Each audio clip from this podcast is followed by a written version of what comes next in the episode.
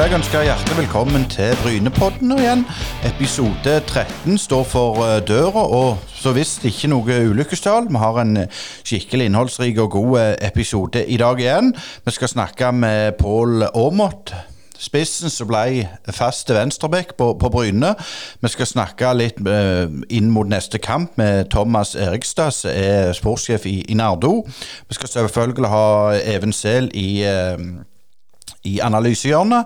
Og ikke minst så har vi fått med oss eh, Dag Solheim. Eh, han skal fortelle litt om tida i Fredrikstad, både fra når de var best i Norge på 60-tallet, men òg liksom litt hvordan er det når en storklubb, eh, Fredrikstad à la Bryne, rykker ned og rykker ned og er nå på, på snornivå?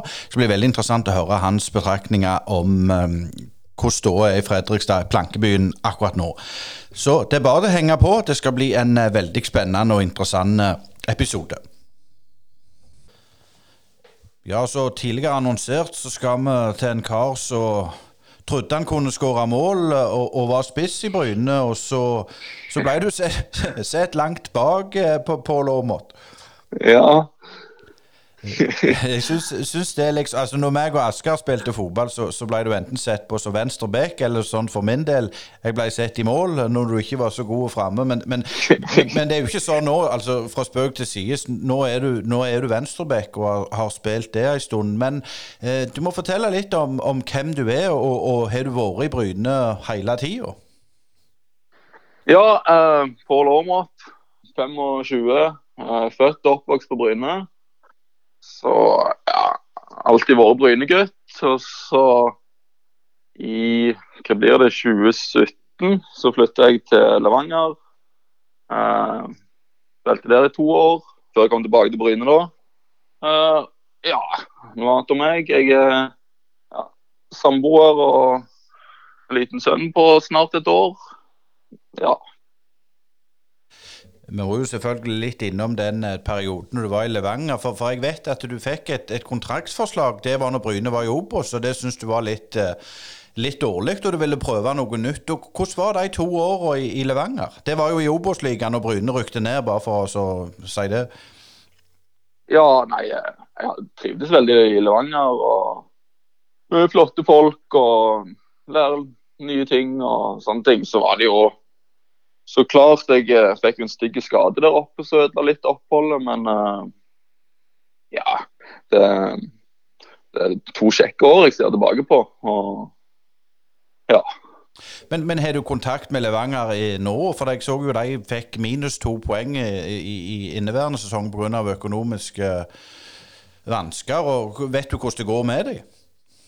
Ja, jeg, eh, jeg, har jo litt kontakt, men det har vært mye utskiftninger siden uh, siden jeg var der. Um, men ja, jeg, som, jeg, vet jo at de sliter litt økonomisk. og ja, Det er trange kår. og så, Men uh, jeg håper jo at de kan gjøre det bra. og Ikke komme før oss på tabellen, men uh, ja, de ikke rykker ned iallfall. Eh, men, men tilbake til Bryne. Gratulerer med en, en god seier mot Fløy. Det var jo i grunnen vannpolo det ble til slutt. Ja, du gjorde det. Nei, eh, deilig å endelig starte med, med tre poeng. og ja, Selv om det ikke var noe finspill, så ja, smakte det godt, de tre poengene. Sånn For min del så syns jeg at bakre fireren var mye mer solid nå eller den første kampen mot Asker. Deler du òg det synet? Ja, jeg syns òg det. Uh, både bakre fireren og for min egen del så syns jeg det funker mye bedre nå. Um, jeg vet ikke om det var, var sånn første kampen, sant? så er det alltid litt rusk. Eller, men eh, ja, det var veldig bra nå sist, iallfall. Men sånn for, for den egen del, jeg spøkte jo litt med at de, de dårlige ble sett på venstrebekk, men, men, i dag så er jo venstrebekken en, mest en angrepsspiller. Du har ikke vært så, så aktiv framover på disse to kampene. Er det bevisst eller er det å holde igjen, eller er det noe du, du, jobber med? Nei, det er jo noe jeg jobber med, å bli mer og mer offensiv. Men det, de to kampene nå har jo vært litt sånn eh, vanskelige både for meg og Josh. at eh, ja, Første kampen så var mot Asker, så var det jo bra lag vi møtte. og ja, Vi holdt ikke så mye ball. og nå andre kampen så var det som du sier, det var jo vannpolo. Så det, det ble jo bare å spenne ballen fram og ja, la de på topp fikse. Ja, og det gjorde de jo til gangs. Men, men sånn i, i, forhold til i fjor kontra i år, ser du Er det stor forskjell, føler du, på, på go-en i, i gruppa? Ja, det syns jeg. Og det syns jeg vi så eh, nå, nå sist kamp òg. At eh, i fjor så var det ofte sånn at fikk vi en i trynet, så plutselig ble det to og tre òg. Mens eh, ja. Eh, jeg syns ikke nå sist at vi kommer tilbake for å ligge under 1-0 til å vinne 3-1. Det viser jo hva karakter det er i laget. og ja, En skikkelig go. Sånn Helt til slutt, Pål. Hva, hva, hva, er dine ambisjoner videre nå med, med, med, fotballen? Nei, jeg håper jo å rykke opp med Bryne. Det er det som er store målet. Og så ja, etablere oss i Obos-ligaen. Det er det, det er kjekkere å spille der, så ja. Ja, Da går vi videre i eh, sendinga til, til Brynepodden. og Da skal vi inn på analysering av kampen mot eh, Fløy. og Velkommen til, til deg. Vi kan, vi kan vel kalle deg analysesjef, Even? Ja, jeg er vel det. Takk for det.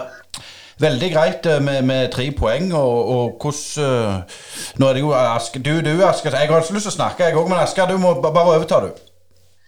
Ja, Even, det ble jo en meget spesiell kamp gitt været og baneforholdene.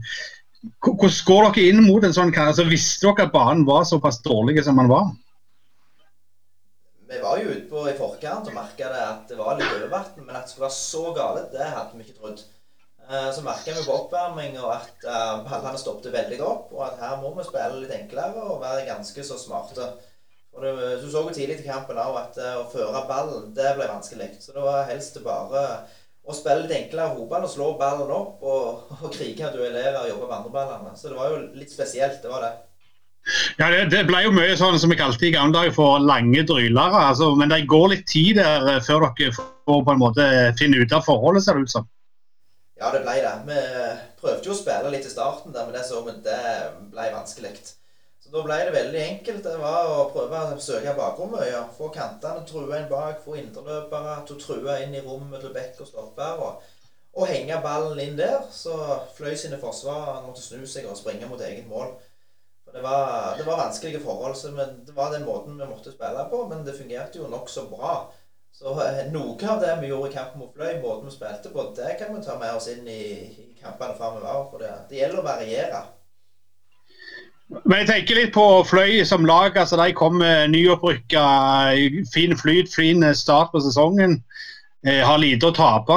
Eh, tar 1-0-ledelsen. Hva går gjennom hodet ditt eh, når de får 1-0 der?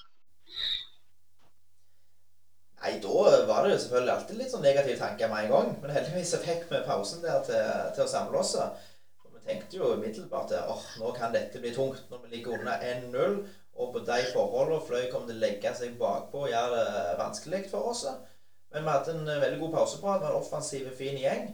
Så ble det litt taktikkprat, men så sa vi jo egentlig det at uh, her, her, kan vi ikke snakke om taktikk og motsatte bevegelser, samtidig bevegelser osv. Det handler rett og slett om å vinne duellene og ofre absolutt alt i hver eneste duell. Og, og få ballen opp på deres halvdel. Så det var en offensiv gjeng i pausen som hadde stor tro på at vi skulle klare å snu det. Og det klarte vi jo heldigvis. Ja, Er dette noe som du merker forskjellen fra i fjor? Altså I fjor så hadde det fort ebba ut med sånn sur 0-1, eh, eh, og nå snur dere det og skårer faktisk tre mål, som er en slags rekord under Halvorsen-regimet. Ja, vi merker jo det at vi har mange fine ledertyper. Så mange som tar ansvar når det bytter litt imot. sånn som det ikke bytter imot, altså, men vi havner jo 1-0 eh, under mot Asker, havner under 1-0 mot Fløy. Og da ser vi det typer som virkelig tar ansvar for å for å snu dette her og få alle up and go igjen. Så det, det er mange fine ledertyper med god vinnervilje i laget. Det er viktig. Hva betyr det for Robert Undheim, den der assisten han får etter den tabben han gjorde på 0-1 der? Det tror jeg var viktig for han, eller vet jeg var viktig. Eh, det kunne bidra med et langt, godt kast der. og Vi var jo farlige på kast egentlig hele kampen. Og Det er et godt angrepsvåpen for oss. Og Det å få den dødballen og vi kriger den inn, det er ga jo voldsom vitamininnsprøytning der. For da var vi virkelig på etter den skåringen der. Ja, altså, det virker jo som i år eh, Dere har jo brukt Robert ganske aktivt på de langkastene. og det, det, skaper jo på en måte en cornersituasjon omtrent fra, fra ja, hvis du var 16 og innover mot, mot dørlinja. Altså, dere har et ekstra våpen der. Ja, vi har det. Det er ikke alltid like fint å se på for alle. Sant? og Det går jo litt tid med kastene, men når det fungerer såpass bra, så ser vi ikke noen grunn til, til å hindre det. Det ble farlighet ut av det mot Asker og Terida Bove heter ei tverrlegger. Og nå får vi en skåring ut av det. Så Det er et angrepsvåpen som vi må fortsette å bruke. Så er det mange hovedsterke spillere inne i boksen som er klar til å ta imot det lange kastet. Ja, Rogvi der, eh, Færøyenes store sønn. Det er ikke så ofte du ser han på, på mållista, er det det? Nei, det har vært noen ganger på landslaget å bryne, men jeg sier, da pleier en eh, helst bare å skåre noen vanvittig flotte mål. Der en limer han i krysset, noe heil volley-greier. Og nå var det, altså jeg sa det til han etter kampen, endelig skåret du litt styggere mål. Det er rett og slett bare å, krige og være først på den ballen og hente han i mål. Nei, Den som kjørte right in vinkel, det var jo Holtan. Hva betyr det for han at han kom i gang så tidlig? Det er viktig for Holtan. Han eh, har selvtillit, den gutten der, og hadde tro på han skulle prestere godt i Bryne fra starten. Men han sa så var han jo litt usikker, altså, for han var jo ett nivå opp. Men uh, det at han presterer så godt som han gjorde i de to kampene, det er godt for selvtilliten. Så du så gjennom alle involveringene hans i dag uh, med han, og som han sier sjøl, så, så er det mye bra. Han er et godt oppspillspunkt. Flink å holde på ballen og krige godt med de fløyestopperne.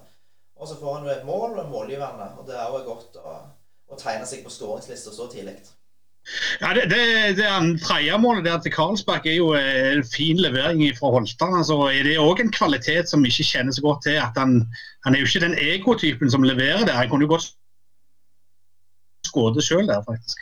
Ja, Holtan er, er veldig hardtarbeidende og har sett laget foran seg sjøl. Og, det handler om å gjøre hverandre gode, og det gjør han med Daniel der. Så, så, er det veldig bra løp av Daniel Og Ja, det er enkelt, så er det en ball i mål, men det er ikke alle som hadde tatt det løpet på 50 meter så fort for å komme i den posisjonen som han gjør. Så det var gode prestasjoner både Holtan og, Daniel der. Ja, Fire poeng på to kamper. Eh, hvordan vil du si status er så langt etter det som du tenkte før sesongen? det, det, er bra. Vi har jo det, tenkt vi ett poeng mot Asker og vinner mot Fløy, da er, vi, da er vi fornøyde. Da er vi godt i gang. Og det er vi jo. Så tok vi jo bra poeng i starten i fjor òg. Men allikevel så gikk det litt verre utover sesongen. Så det handler her om å ikke hvile på laurbærene og tro at dette går av seg sjøl. Det handler om å jobbe knallhardt hver eneste kamp for at uh, vi skal prestere godt, og at utviklinga skal fortsette. Men det har vært en, en god start, så det er vi fornøyd med. Inn mot helga og Trondheimsturen, eh, dere begynner jo å få litt videoer nå av, av Nardo og motstanderne framover. Hvordan eh, har du gått i, i, møte med Nardo? Er det et lag du kjenner fra før av, eller er det første møte du har med dem? Det er et lag som vi kjenner godt til. Vi har møtt dem nå alle år etter vi rykte ned. Men de har bytta veldig mange spillere. Så Det var vel tre mann tror jeg, som starta siste seriekamp i fjor. Så mange nye spillere som vi ikke helt kjenner så godt. Men nå har vi sett kampen mot uh, Arendal, så de tapte 1-0. med sitt store del av kampen mot Sotra. Og da trykker meg der opp involveringene. Hver gang de har ballen, så er jeg inne på interplay og trykker, så vi har full kontroll på hva høyrebekken gjør når han har ballen, og hva gjør eh, venstrekanten når han får ballen inn mot den. Så vi begynner å kjenne ganske godt til dem. og vi, vet hva de, hva de, står for, hva deres sterke sider og hva de svake sidene er. Så det er jo typisk 4-3-3-lag som uh, kjenner godt til måten de ønsker å spille på. Jeg må si, jeg har sett eh, to kvarter av dem, altså to kvarter på slutten mot Arendal og mot Sotra. Eh, det er jo ikke et lag som ble rundspilt av Arendal akkurat heller, dette er det det? Nei, det, det, var ikke det. De hadde mye ball mot Arendal og, og, styrte store deler, men de klarte ikke å skape altfor mange sjanser. Men så kan du òg si det, hvis vi skal sette oss inn i hodet til Steinar Pedersen, så kan det godt være han sa ja, de to ledelsene 1-0 i tre minutter. Ja, da legger vi oss litt bakpå. og så har vi god kontroll defensivt, og så lar vi Nardo ha ball uten at de klarte å skape stort. Så, så Arendal hadde jo sånn sett kontroll, selv om Nardo hadde en del ball. Eh, hvordan gjør dere sånn praktisk? Nå er det Trondheim, det er jo litt sånn lang, langtur. det blir regnet, Men det flyr opp. Eh, reiser dere opp dagen før, eller reiser dere opp samtidig samme dagen? Og hvordan legger dere opp eh, løpet for, før kamp? Nå reiser vi opp på, på dagen, på lørdag. Så vi flyr over klokka ti. Så er vi Framme i halv ett-ett-tida var vi i Oslo. Så er det å ta inn på hotell på Kampbad. Tar vi kvart på tre. Og Så er det spillermøte en time seinere, og så er vi klare til kampstart klokka seks. Og så må vi være igjen. Vi må overnatting. Det går lite fly. Så vi må være igjen og, og reise hjem igjen på søndagen. Så Da får vi ei lita restitusjonsøkt, og så får vi økt med de som ikke spiller så mye på lørdagen. Så får gjort litt fornuftig på søndag før vi reiser hjem. Og så er det jo mye kampforberedelser nå inn mot kamp. og På torsdag og fredag nå så har vi veldig stor fokus på, på kampen og hva vi skal gjøre for å slå Nardo. En ting jeg har lagt merke til, Vi har jo nye regler nå. Det er jo lov å bytte inn fem mann i løpet av en kamp. Men dere har jo ikke benytta dere det så langt. Hvorfor har dere ikke det? Nei, vi ser ikke helt uh, Vi har ikke sett behovet for å gjøre så store endringer på slutten av kampene, i og med at vi har prestert uh, godt. Vi tok jo tilbake NN, eller NN mot Asker, og så presset vi dem på slutten, presterte godt. Og Samo fløy. Skårte to mål på slutten av kampen der, så vi vi mente at de som var utpå der, presterte godt og hadde friske bein. Så vi, vi gjorde noen endringer, men vi, vi ønsker ikke bytte altfor mye heller, for det ødelegger jo litt av rytmen. Er det noen eh, som har utmerka seg de siste veien på trening, uten at du trenger å nevne navn? Er det noen som begynner å skrape på døra på førsteelveren? Ja, det er det. Det er stor konkurranse om plassene på laget. Og det, det ser vi på trening òg, at eh, de som starta sist, presterer godt, og de som starta på benken, òg presterer godt. Så det er spillere som virkelig lyst til å vise seg fram for å komme seg inn på, på laget. Så de som starta, kjenner nok det at de blir pusta litt i nakken. Det er sånn det skal være. og Det holder alle på tå hev. Og vet at uh, det er gode spillere som kan komme inn og, og, gjøre en jobb. Så det er et lite luksusproblem for oss trenere, men det er jo bare fint. Det er godt når det er sånn. Øystein er jo glad i de halte og de lame, Øystein. Ja, jeg er, jeg er, jo for så vidt det. Det er klart Vi snakket jo veldig mye om, om eh, det positive. Even, jeg, da skal jo jeg være den som tar det litt negative, selvfølgelig. Nå slipper vi inn mål på kast igjen. Eh, når du ser det om igjen, så ser det jo veldig unødvendig ut. Er det, er, det, er det konsentrasjonen som gjør det? Altså, Unnagen gjør jo en, en feil, han klarerer det, men det skjer jo mye før det. Mm. Ja, det gjør det. Og det fotballkampene handler om, handler om feil. Så det handler om å gjøre minst mulig feil. Minst mulig personlige feil og, og taktiske feil. Altså, vi straffer jo Fløy på deres feil. Sant? De har jo to støttepasninger som stopper opp i, i vannet. Som gjør at vi får gode muligheter. Og der var vi veldig tydelige på at spill ballen framover. Minst mulig støttepasninger. men som sier, så gjorde vi noen feil. Robert hadde en klarering der, så han beklagte i, i pausen. og opp med armene og sa at det var dårlig av han. Og så kommer de rundt på kanten. Så er det jo dårlig markering i boksen. At han som skårer, får stå så alene, det er vi ikke fornøyd med. Så sånne feil kan vi ikke gjøre opp for ofte. Så det er nå med han da unna i begge kampene. Sånn kan vi heller ikke fortsette med. Vi må være på tå hev og helst skåre først. Eh, og Det var jo en, en keeper eh, på Fløy der som har vært i Bryne, Ante Knesovic, og, og um, Kleppan på, på uh, Han skifta jo back. Han begynte vel på høyreback, gikk over på venstre, stemmer det, Øyvind? Ja, gjorde han det? Ja, han gjorde gjerne det. Jeg er litt usikker sjøl, men, men, men, vi må jo analysere Kleppa. Hvordan syns du han gjorde? det? Jone spilte en veldig god kamp. Han spilte mot, etter min mening, divisjonens beste kantspiller. Og Robert gjorde mye bra, han, men han hatt bedre kamper. Så Jone klarte å nøytralisere Robert på en, eh, på en grei måte, han. Absolutt. Så bidro han godt offensivt. Flott målgiver han hadde der. Så det er en eh, absolutt spennende spiller. Så jeg, sier, vi, jeg håper vi kan få se han i Brynedrakt en gang i framtida. Det hadde vært gildt. Eh, helt til slutt, Deven, er det noe nytt på skadefronten? Nå er jo Rotihaug operert og, og er snart klar om noen uker, men, men hvordan ser det ut inn mot Nardo-kampen? Ser eh, helst godt ut. Det var jo litt tunge bein etter kampen, naturlig nok. For den banen den sugde en del, den. Så det var ikke bare bare. Uh, vi hadde god resesjonsøkt på mandagen, to dager etter kamp. Og mange får hente seg godt inn igjen da. Uh, så er det Robert Undheim som sliter med litt med lusk, så han trente ikke i dag. Resten av troppen trente for fullt utenom Oliver. Så vi får rett og slett bare se litt med Robert inn mot lørdagens kamp. Ta litt dag for dag. Men vi, vi håper og tror han blir klar. Men vi vet mer eh, da etter torsdagstreninga.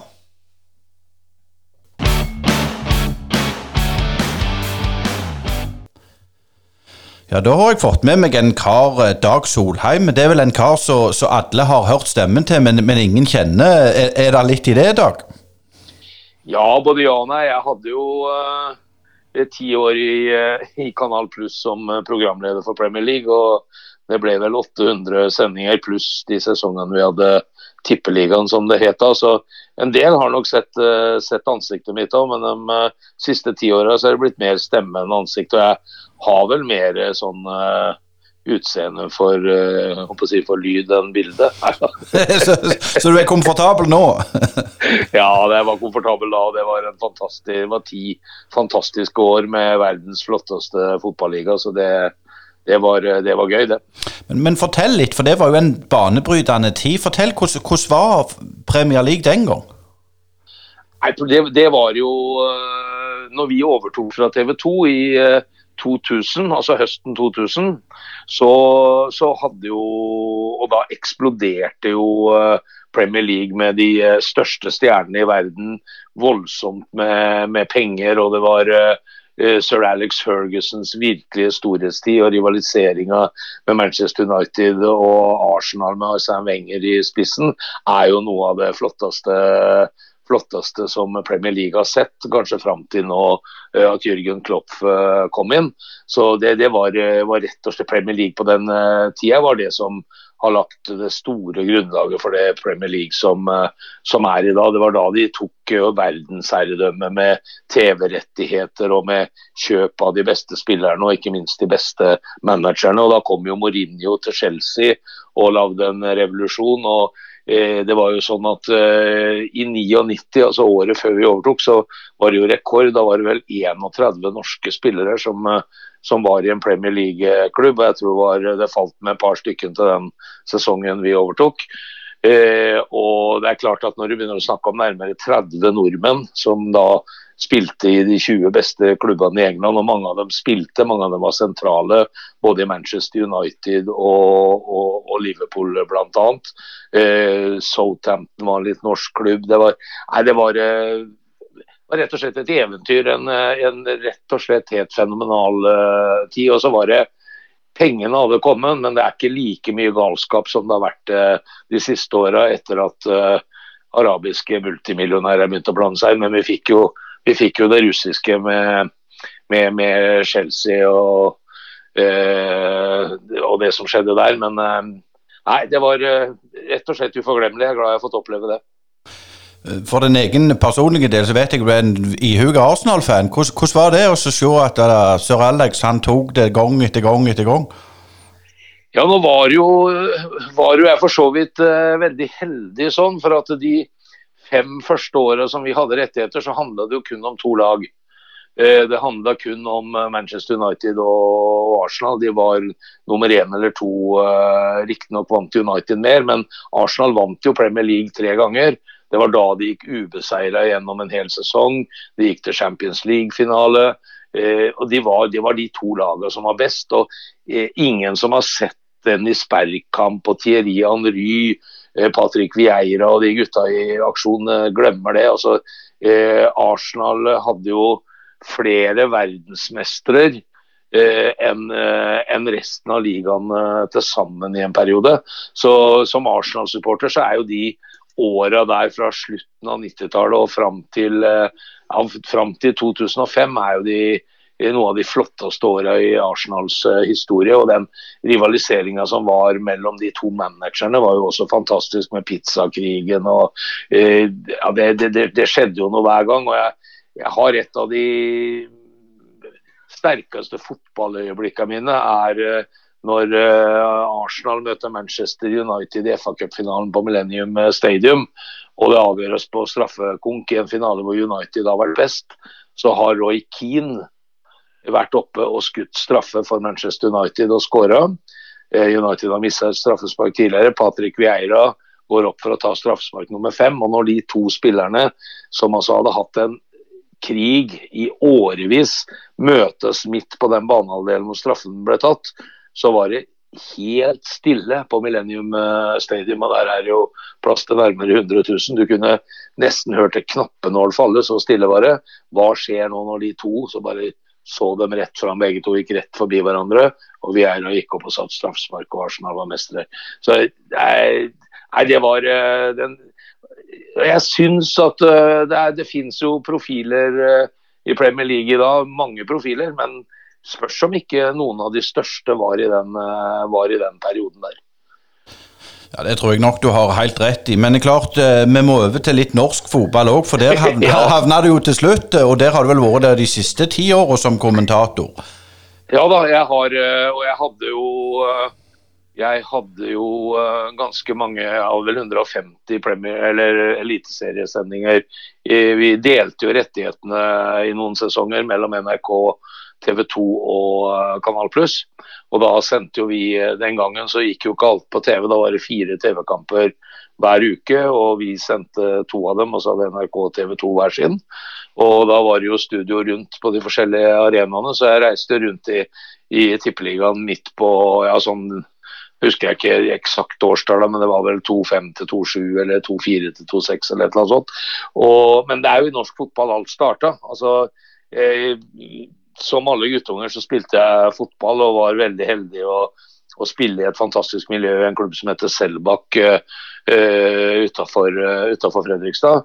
Og jeg hadde en far som uh, vokste opp et stenkast fra Fredrikstad stadion og hadde gått på skolen sammen med mange av de legendene som var når FFK var Norges uh, i særklasse beste, beste lag på 50- og, og 60-tallet. Og han tok meg med på stadion. Jeg er født i 58, så eh, sånn eh, midt på Sånn fra en eh, 4-65, altså i slutten av FFK sin eh, storhets, eh, storhetstid, så var jeg med han på Fredrikstad stadion. og det gjorde noe med meg, det å være på en stadion med tusenvis av, av mennesker, oppleve at laget ditt var best i, best i landet, og den eh, stemningen og atmosfæren som ble skapt der, det, det var eh, det satt uslettelige spor, og det er jeg evig takknemlig for. For uten det så hadde jeg kanskje aldri fotballen blitt en så viktig, viktig del av livet mitt. Men, men, litt tilbake til den tida når, når Fredrikstad vant alt. Hvordan var de i forhold til, til resten av Fotball-Norge? Altså, Vi prøver jo også å ha litt så, link inn til, til Bryne fotball. De var jo òg store på, på 70-tallet og, og, og, tidlig 80-tallet, men, men så, så, er vi jo på nivå tre begge nå. Men hvordan, hvordan var den tida når, når, du ble interessert? Nei, for, for å si det sånn, så det er vel omtrent som å bli Rosenborg-supporter på 90-tallet. 90 altså, Fredrikstad har jo ni seriemesterskap og elleve cupmesterskap. Og eh, var det første laget fra Norge som spilte i Europa. Eh, slår ut Ajax i tidenes første kamp med et norsk, eh, norsk lag i Europacup. Eh, I 60 setter cupfinalerekord i 61 og vinner, eh, vinner 7-0 over Høvgar. Eh, og det var jo ja, det var jo sånn at det var jo nesten landslagsspillere eh, på samtlige plasser. Jeg brukte å si det før, at eh, når du spurte noen i Fredrikstad hvor mye klokka var, det var den gang det ikke var mobiltelefoner, så glinsa det jo mot deg Når de så på armen sin, så glinsa det mot deg fra ei gullklokke for 25 landskamper, liksom. For det var, eh, det var landslagsspillere på hvert hjørne. Så det å, det å få lov å, å, å, vokse opp med det i det som da var en middels stor uh, norsk uh, by, hvor jo disse spillerne også var litt synlige, selv om noen trodde de bare kom ut når det var kamp. Det, det, var, det, var, helt fantastisk. Og så er det helt riktig som du sier, så kom jo 70-tallet. Jeg ble Arsenal-supporter, mener jeg. Jeg var sånn, elska fotball, så jeg syns George Best var kul, og Kevin Keegan var kul. Og, men jeg ble Arsenal-supporter når Charlie George skåra vinnermålet i ekstraomgangen mot Liverpool i 71, og Arsenal vinner det double. Og når da begynner, som jo ikke vi hadde hørt så mye om, det, vi hadde jo liksom, det var jo Viking som uh, var det store laget fra den kanten av landet når man vant fire seriemesterskaper av. og Vi har hatt noen kamper mot Viking som jeg helst vil, vil glemme. og Så kom Bryne, og så så de ut som Arsenal. De hadde Arsenal-drakter. og Det var liksom sånn, det, var det, er det nærmeste jeg har kommet å se Fredrikstad spille mot Arsenal. er at Bryne dukka opp og med fantastisk Jeg var jo sånn Gabriel Høyland, det var jo, var jo en gave til fotballen. Arne Larsen Nøkland. altså Det var jo et, et fantastisk flott uh, fotballag som spilte morsom fotball. og På en måte så ble vi litt glad i Bryne, for de var de var litt små. Lillestrøm hadde begynt å yppe seg med, med non-amatørfotball og skulle trene på dagtid. og Det mente jo selvfølgelig vi i Fredrikstad var noe forbanna tull. Fotballspillere skulle ha en jobb, og så skulle de trene om ettermiddagen og kvelden. Sånn var det bare. Men det var liksom dem eh, var litt sånn hatlag pga. sarpingene var blitt borte. Så hata vi litt Lillestrøm, for Tom Lund var så god. Eh, Viking var liksom De ble litt for gode, mens Bryne var liksom et sånn lag som eh, Veldig mange i Fredrikstad fikk et godt forhold til, til Bryne, både pga. fotballen og, og, den lille så vi på da, den litt lille klubben fra utafor byen som, eh, som yppa seg i norsk eh, toppfotball. Ja, Asgeir, du hører for, for fine tilbakemeldinger her fra, fra de gode 70-80-tallet. Ja, det gjør vi. Da må vi jo trekke fram eh, den tjenesten som Fredrikstad gjorde mot Viking i cupfinalen, med et fantastisk mål av Per Egil Alsen i, i cupfinalen, eh, som vel Dag husker godt. Ja, det, det, det, gjør jeg. Vi snakker om cupfinalen i 1984. og vi har akkurat uh, den første lørdagen i juli hvert år, så samles vi uh, uh, ja, 84-laget pluss en del sånne personer som si, var med rundt det og rundt klubben og sånt. En sånn sommerfest hos Reidar Lund som var strateg. og der er jo selvfølgelig Per Egil Ahlsen som jo som jo, som du sier, skåra i begge de cupfinalene. Det ble jo omkamp, og han skåra i den første kampen. og det det er jo noe av det flotteste mål som er skåra i norsk fotball noensinne. Og, og det, er, det, er, jo bare Erik Torstvedt som sier at kan dere snart glemme det målet.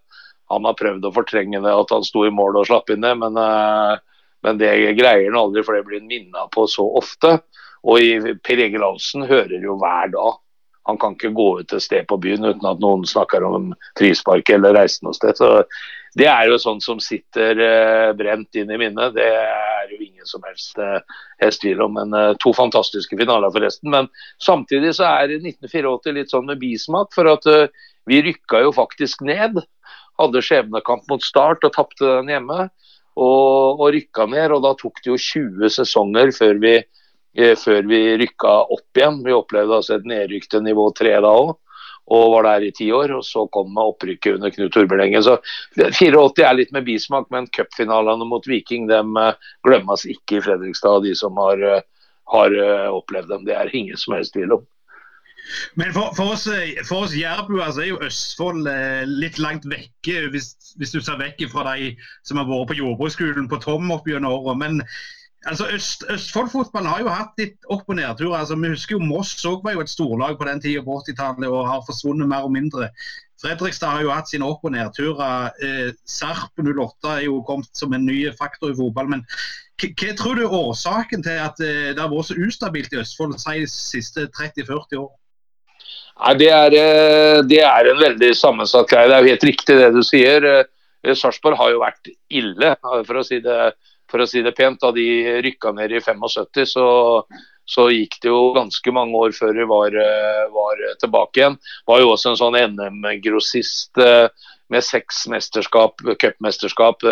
Et syvende til Sparta Sarpsborg, som for øvrig er det siste laget fra Sarpsborg som vant noe i norsk toppfotball. Det var cupfinalen i 1952, faktisk. Etter at kongepokalen hadde vært i Nedre Glomma-regionen fem, fem, år på rad. Eh, og Det var jo da en sånn total uh, dominans hvor de, hvor de laga altså de laga bytta på å vinne. Og så, som du sier, så kom Moss, ble jo uh, cupmestere og ble jo seriemestere under Nils Arne Eggen i 87. Og fantastiske fotball, uh, fotballspillere som ja, det er nok å nevne Einar Aas og Geir Henes, Ole Jonny Henriksen.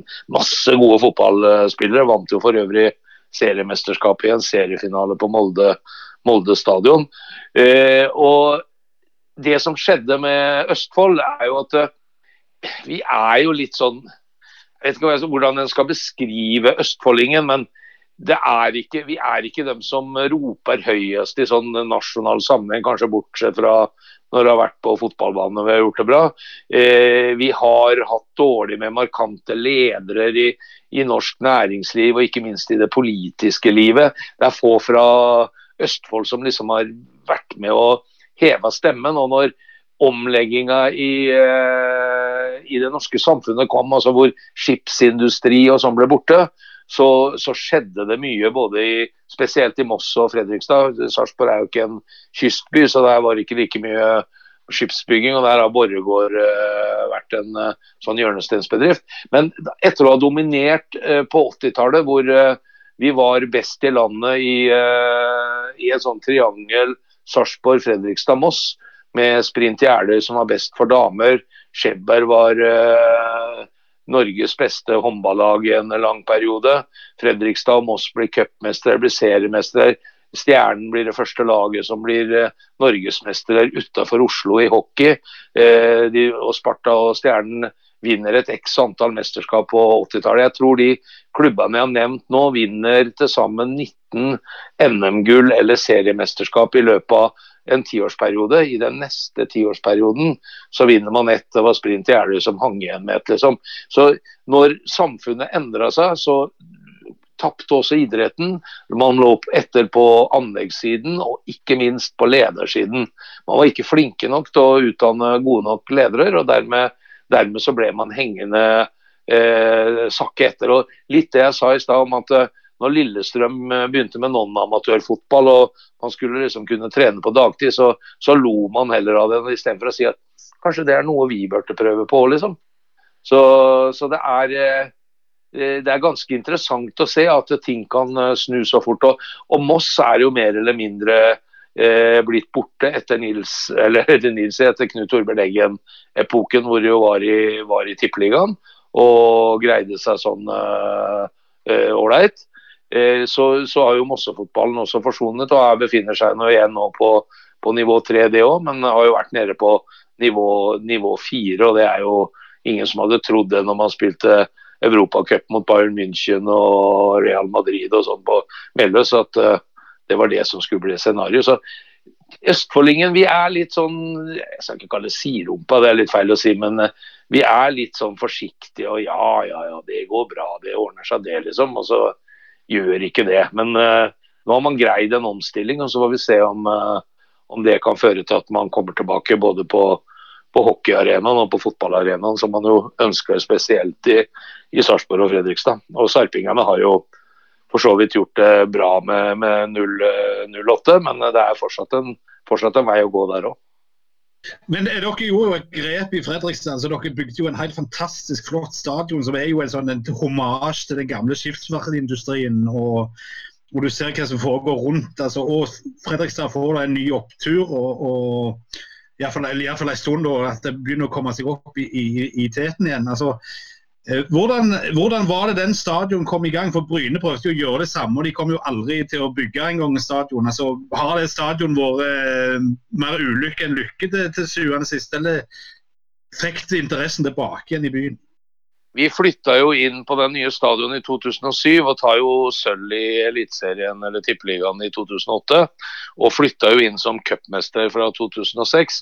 Eh, så jeg tror ikke stadion har vært noe negativt i, i så måte. Stadion kom i stand eh, faktisk nesten som et kupp. For eh, Fredrikstad fotballklubb eide gamle Fredrikstad stadion. Eh, og det var snakk om å bygge ut der. og så Eh, skjedde det litt ting, for det var en, eh, en del lokale investorer som kjøpte Fredrikstad Mekaniske Verksted, som i sin tid var Norges største eh, skipsverft med, 100, med 2500 ansatte. Og kjøpte det fra Kverner og skulle utvikle det området til, eh, til næring og boliger og eh, opplevelsesting. Og Da var det jo veldig naturlig å flytte en stadion dit, veldig sentrumsnært.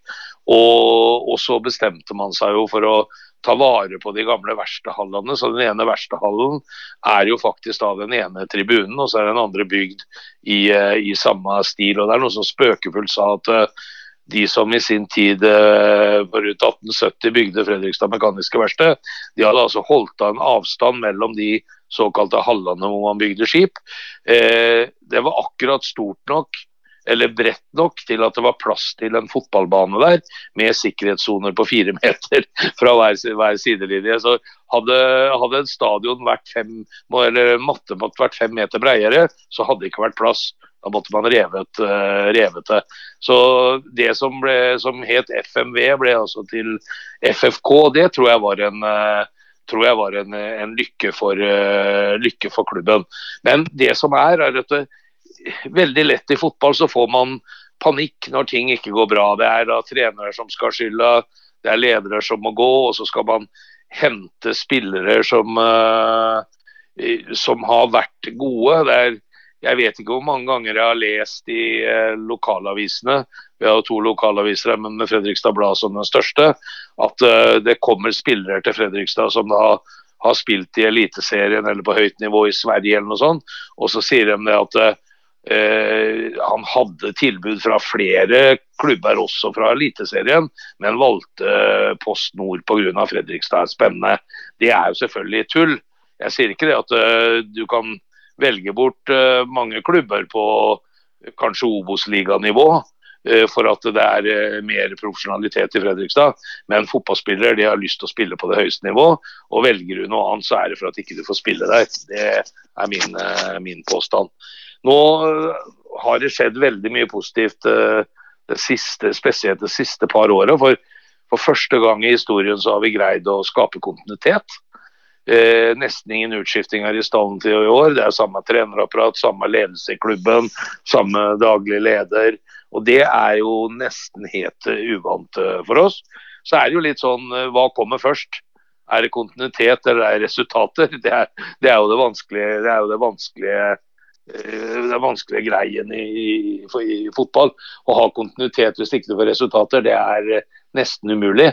Så det må henge litt uh, sammen. Men nå har man vært tålmodig, så får vi se om det, det gir, gir, resultater. Litt tilbake til det med, med, med Bryne, og, og, og, når du forteller om hvordan Fredrikstad-folka er, så er det mye likt i Bryne. Litt formelt, arbeidsomme, eh, men, og, og, ikke så store kjeften og sier ting rett ut. Men er det òg problemet i Fredrikstad at det er mange som kaller murrer litt, litt ut i periferien? Sånn er det iallfall på Jæren. At ja, Bryne, vi, vi er på 80-tallet, vi er best ennå. Eh, men det er liksom ingen som tør å skrike det ut, men, men de går og murrer litt. Er det sånn i Fredrikstad òg, på en måte? Ja, du har vel for så vidt rett i det. Jeg kan vel til og med kanskje si at jeg er en av dem sjøl, liksom. Eh, I perioder. For det er klart at når, når, laget ditt er i ferd med å, å rykke ned fra Obos-ligaen, og du har ferskt eliteseriespill i, i minne og medaljer og cupfinaler og sånn, så er det klart at det, da blir det jo kritisk. Og sånn har det vært i Fredrikstad i mange, mange år. Eh, at det har vært eh, eh, vært murring, folk sitter og prater. Eh, men det syns jeg har stilna litt de siste åra. Så tror jeg det har med to ting å gjøre. Det er at uh, man har fått uh, veldig orden på økonomien. Vi er vel en av de få klubbene som uh, har hatt razzia fra skattemyndighetene, liksom. Altså hvor de bare rett og slett rykker inn og beslaglegger absolutt alt. Ja, alt av PC-er og alt av permer og alt var altså en ordentlig skatterazzia. Eh, nå er det orden på økonomien. Det, det, er orden internt i klubben, og da stilner jo kritikken en eh, del av. Men er, skal ikke, vi skal ikke tape mer enn én en eller to kamper i Post Nord, så er man tilbake igjen. Men eh, Det har blitt bedre med åra, men det har også vært en medvirkende årsak til at man har slitt litt etter at man eh, rykka ned fra Eliteserien for åtte, åtte, år siden. Så, og etter det fortsatt faktisk bare har blitt dårligere og dårligere, så har det stilna. Og så er det det at når du er i Post Nord, så er det ikke like interessant som når du er høyere oppe. Da er det litt færre mennesker som bryr seg, selv om jeg mener vi hadde jo 10 000 vi hadde 10 000 på Post Nord-kamp, så interessen er så ikke at han er langt fra borte. Den er jo enormt stor med 4000 i, i snitt eh, på, som publikumstall i fjor. og sånn. Det er jo eliteserieklubber som kan misunne den. Så interessen er der, men den er ikke sånn som, man, eh, sånn som man var. Og da blir det litt færre kritikere, for det er ikke like interessant. Det snakkes ikke like mye FFK på arbeidsplassen og ute på byen som det gjorde for noen år siden. Hvor mye tror du Per Mathias Høgmo, som vel er en sånn sportsdirektørrolle nå, har han hatt en del med dette å gjøre, og få det på, på, mer på rett kjøl? Ja, det tror jeg både sånn eh, Vi kan si litt sånn både ja og nei. Eh, Per-Mathias er en fantastisk brobygger. Han er veldig god med menneskelige relasjoner. Vi fikk jo ikke de resultatene vi håpa på med Per-Mathias per før han ga seg. Eh, det er jo kanskje det som er mest skuffende. At du eh, ansetter en sånn kapasitet. Han får lov å ta med seg Bjørn Bummen Johansen som eh, assistent osv. Og, og, så, og så blir ikke resultatene egentlig noe bedre. Men han har vært med på å gjøre ting internt i klubben som gjør akkurat det som vi snakka om tidligere, med kontinuiteten. At det er mye mer ro. For jeg må si at du møter ikke mange mennesker som Per-Mathias på akkurat det området der. Så kan man fleipe og tulle med diktlesing og yoga og alle de tinga der. Men med menneskelige relasjoner så kjenner ikke jeg mange folk som er bedre, bedre enn han. Altså. Det, det, gjør jeg ikke. Jeg har litt med tanke på, på, linken til Bryne igjen, for jeg ser jo i 19... Um 82-83 så var det jo Tony Knapp som var trener i Fredrikstad. Og, ja, ja, ja. og, og Rein Elmquist i 60, og nei, 86-87, og så hadde jo Jan Halvor Halvorsen en, en, en, liten, eh, en liten svipptur innom. Ja, og eh, så det er jo nok av linker der. Og det som er, er jo eh, at når det gjelder Tony Knapp, så var jo Det var nok ikke noe særlig heldig at vi ikke fortsatte med Tony Napp. Tony Napp har jo sagt at det laget han eh, rykka opp til eh, den øverste divisjonen med, som vel satte eh, den gangen skåringsrekord, altså et lag med bl.a. Jørn Andersen på topp og sånn. Han mener det er det beste laget han noensinne har trent. Men så ble det jo noen uoverensstemmelser internt som gjorde at han ikke fikk lov å fortsette. Vi rykka ned første år og rykka opp det andre. Men Tony har for mange satt spor, eh, spor hos seg i byen, og er fortsatt en mann. Når vi hadde den samlinga eh, som jeg sa her for disse 84-guttene, så er jo Tony Napp eh, Så dukker jo Tony Napp-navnet opp. Og, så han har blant fotball blant spillerne og, og, altså for de som Det var folk som ga seg når Tony Napp kom. For han, eh, for han stilte, stilte, krav og var tøff. Og Da var det en del som ikke, ikke fiksa det, men de som var med på den reisa sammen med Tony, og det er det som egentlig er litt grunnlaget for dette laget som vi snakka om som ble cupmestere i 84 òg, de er eh, kjempefornøyd med, med Tony Napp. Og han, han snakkes, det, varmt om fra mange. Samme gjør jo med Reine Almqvist. Vi hadde ingen stor sportslig suksess under Reine Eller Vi var helt uh, helt sånn middelmådige på nivå to denne gangen. Men Reine har jo fått uh, gode venner i Fredrikstad, er her, eh, er her, ofte. Og var jo en fotballpersonlighet av, av rang. Så det er, det, er, det er, store navn, det du sier der. Og jeg trodde jo også når tredjemann, når Jan Halvor Halvorsen kom, så mente jeg det var noe av det. Kanskje han var, faktisk var en ny Knut Torbjørn Eggen, trodde jeg. Men eh, det ble en liten sånn mismatch med, med klubb, både sportslig og, og eh, Jan Halvor. Men igjen også de tre, de tre personene du nevner der, er noe av tre av de flotteste fotballen, noen av de flotteste fotballmenneskene jeg vet om. Og Jan Halvor er jo en fantastisk, eh, fantastisk fyr. men Han, han lykkes ikke, men han er ikke alene om det, for å si det sånn. Men eh, til slutt her, Dag, eh, fra Bryne sitt perspektiv så snakker vi jo det at eh, blir en for lenge i PostNord, altså nå er det tredje sesongen, eh, så, en, så, glir en gradvis over til å bli en, bare en vanlig breddeklubb som alle de andre breddeklubbene. altså er det noe en er uroa for i Fredrikstad òg, at Fredrikstad skal ende opp som en sånn bakgårdsklubb der alle talenter forsvinner når de er 16-17? Ja, det er absolutt en fare. Vi sa det når vi rykka ned at det, vi er nødt til å rykke opp igjen med en gang. Det gjorde vi ikke. Så var vi nødt til å rykke opp i fjor. Det gjorde vi ikke. Altså to, to små klubber må vi ha lov å si, som Kvikk Halden og Stjørdalsblink havna foran oss. Det skal egentlig ikke være mulig med, de, med de ressursene vi har. Og vi har jo de eh, vi har jo de åra eh, på nivå tre eh, fra 90- og begynnelsen av 2000-tallet friskt til minne hvor, eh, hvor tilskuertallet datt ned under 500 mennesker på tribunen, og, og, ingen eh, brydde seg all verden om det som, eh, det som, foregikk. Og det er klart at Man ønsker ikke å oppleve det igjen. hvor Vi har jo også sett nå at, at selvfølgelig så velger man jo Sarpsborg 08 framfor Fredrikstad hvis man, hvis man, er et stort talent. Og den gangen så, så spilte jo uh, uh, altså mange av de spillerne som heldigvis mange av dem kom tilbake igjen, sånn type Simen Brenne, Hans Erik Ramberg, Raymond Kvisvik. De valgte jo da å spille i Moss, for at Moss var i den øverste divisjonen. Så vi, vi trives ikke i noe lillebrorrolle, at er, vi har naboer som er bedre enn oss. Det, det, det, gjør vi ikke, og det er farlig hvis det, hvis det varer for lenge. Det er ingen som, helst, uh, ingen som helst tvil om. Og det er klart, Hvis du ser på den perioden hvor vi var i Eliteserien sist, og hvor det plutselig ble veldig mye penger i norsk fotball, for vi var jo der akkurat da. Vi gikk vel fra 5 millioner i omsetning til 100 millioner i løpet av fem år. eller noe sånt. Og da henter vi jo spillere si, fra Arsenal og Leicester. Nå henter vi dem fra ja, Gud vet hvor de kommer fra, kommer fra, alle sammen. Men det var jo realiteten da.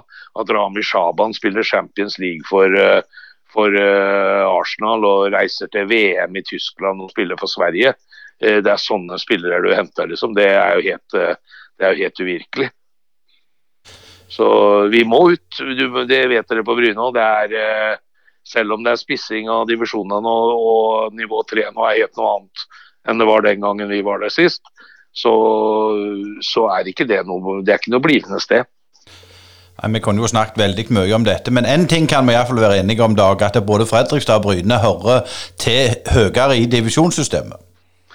Ja, det er, jo, det er jo ingen tvil om. Og så er det dessverre sånn at uh, det er det sportslige som, uh, som, avgjør. Det hjelper ikke hva du har av tradisjoner og hva du har fått fram av spillere og hvilke pokaler som står i skapet. liksom. Det er, det er det som presteres i nuet som eh, teller. og Det er jo mange klubber i Norge som har vært flinke med, med, med, med små, små, ressurser. og så det er, en, det er en voldsom kamp om å ta de 32 eh, plassene nå som er såkalt norsk eh, topp, toppfotball.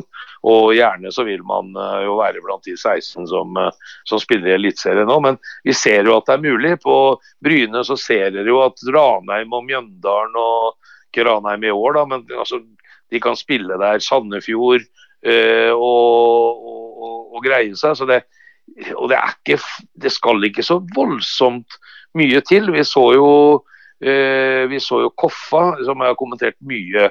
KFM rykker opp fra nivå tre og er nære å ta steget helt opp til Eliteserien på første forsøk.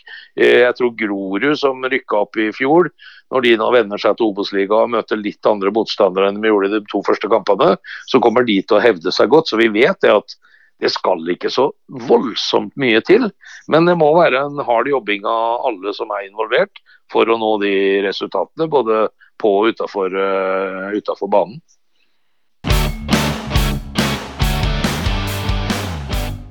Ja, Da har vi med oss eh, Thomas Eriksen fra Nardo, sportssjefen i Nardo. og Vi skal ta litt temperaturen eh, fra Trondheim før møtet mellom Nardo og Bryne. Og Thomas Eriksen, jeg har lyst til å spørre deg litt for oss eh, rogalendinger så ikke trønderfotballen utenom Rosenborg det mest kjente. En har gamle storheter som Strindheim, en har Ranheim, en har selvfølgelig Rosenborg 1 og 2, og en har Nardo. Og så har du de der nordtrønderne som du vel ikke skal snakke så mye om. Men eh, Eh, hvordan, er opplegget i, i, Rosenborg? Hvordan er hierarkiet i byen, og hvem som er fiender mot hvem? og sånn? Kan du gi oss litt innsikt i det?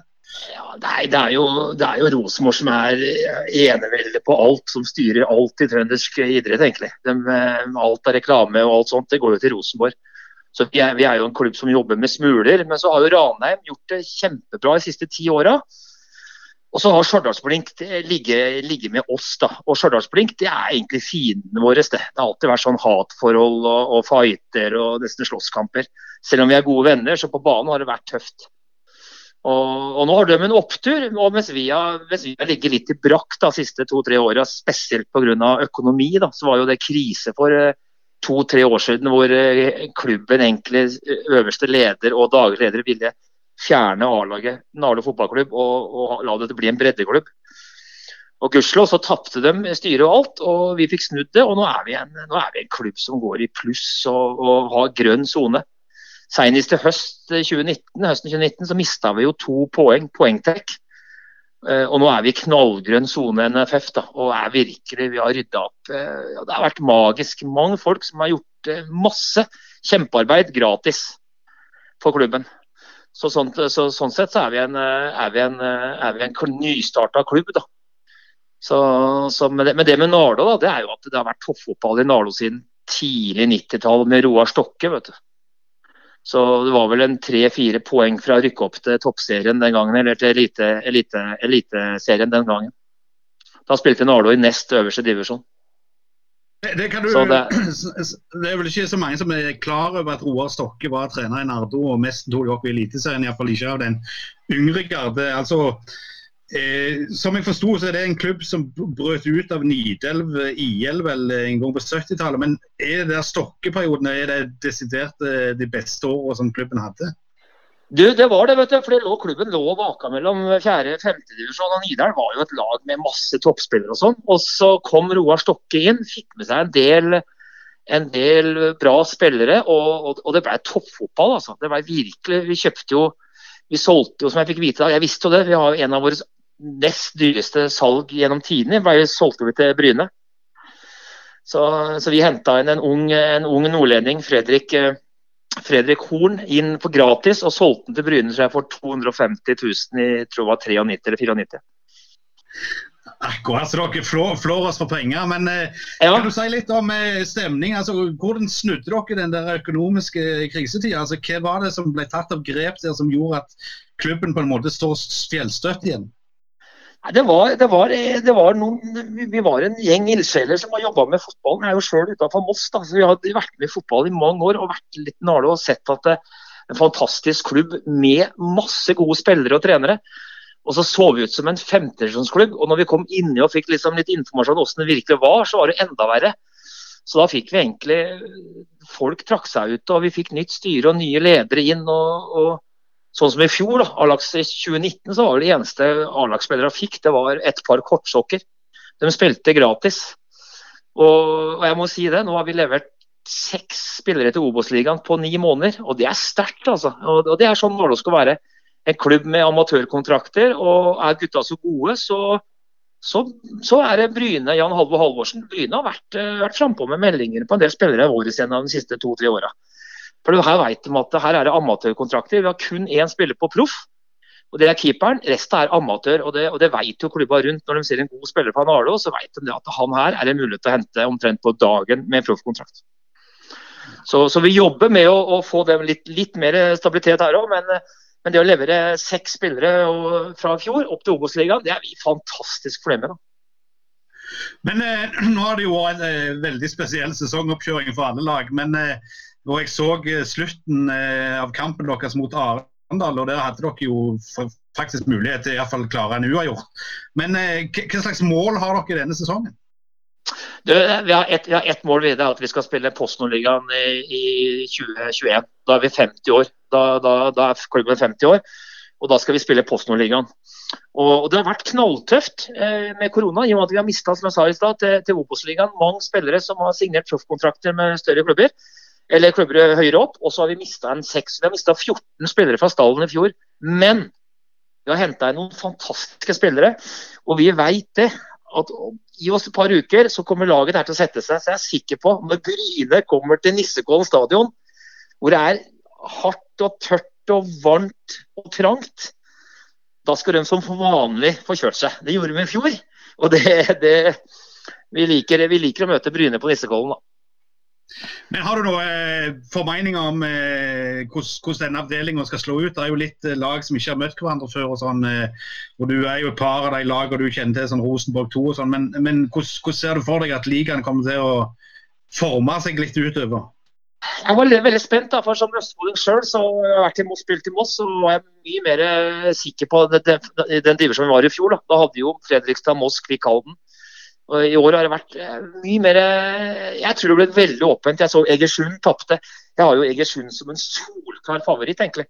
Og gikk på 4-1 borte mot Haugesund.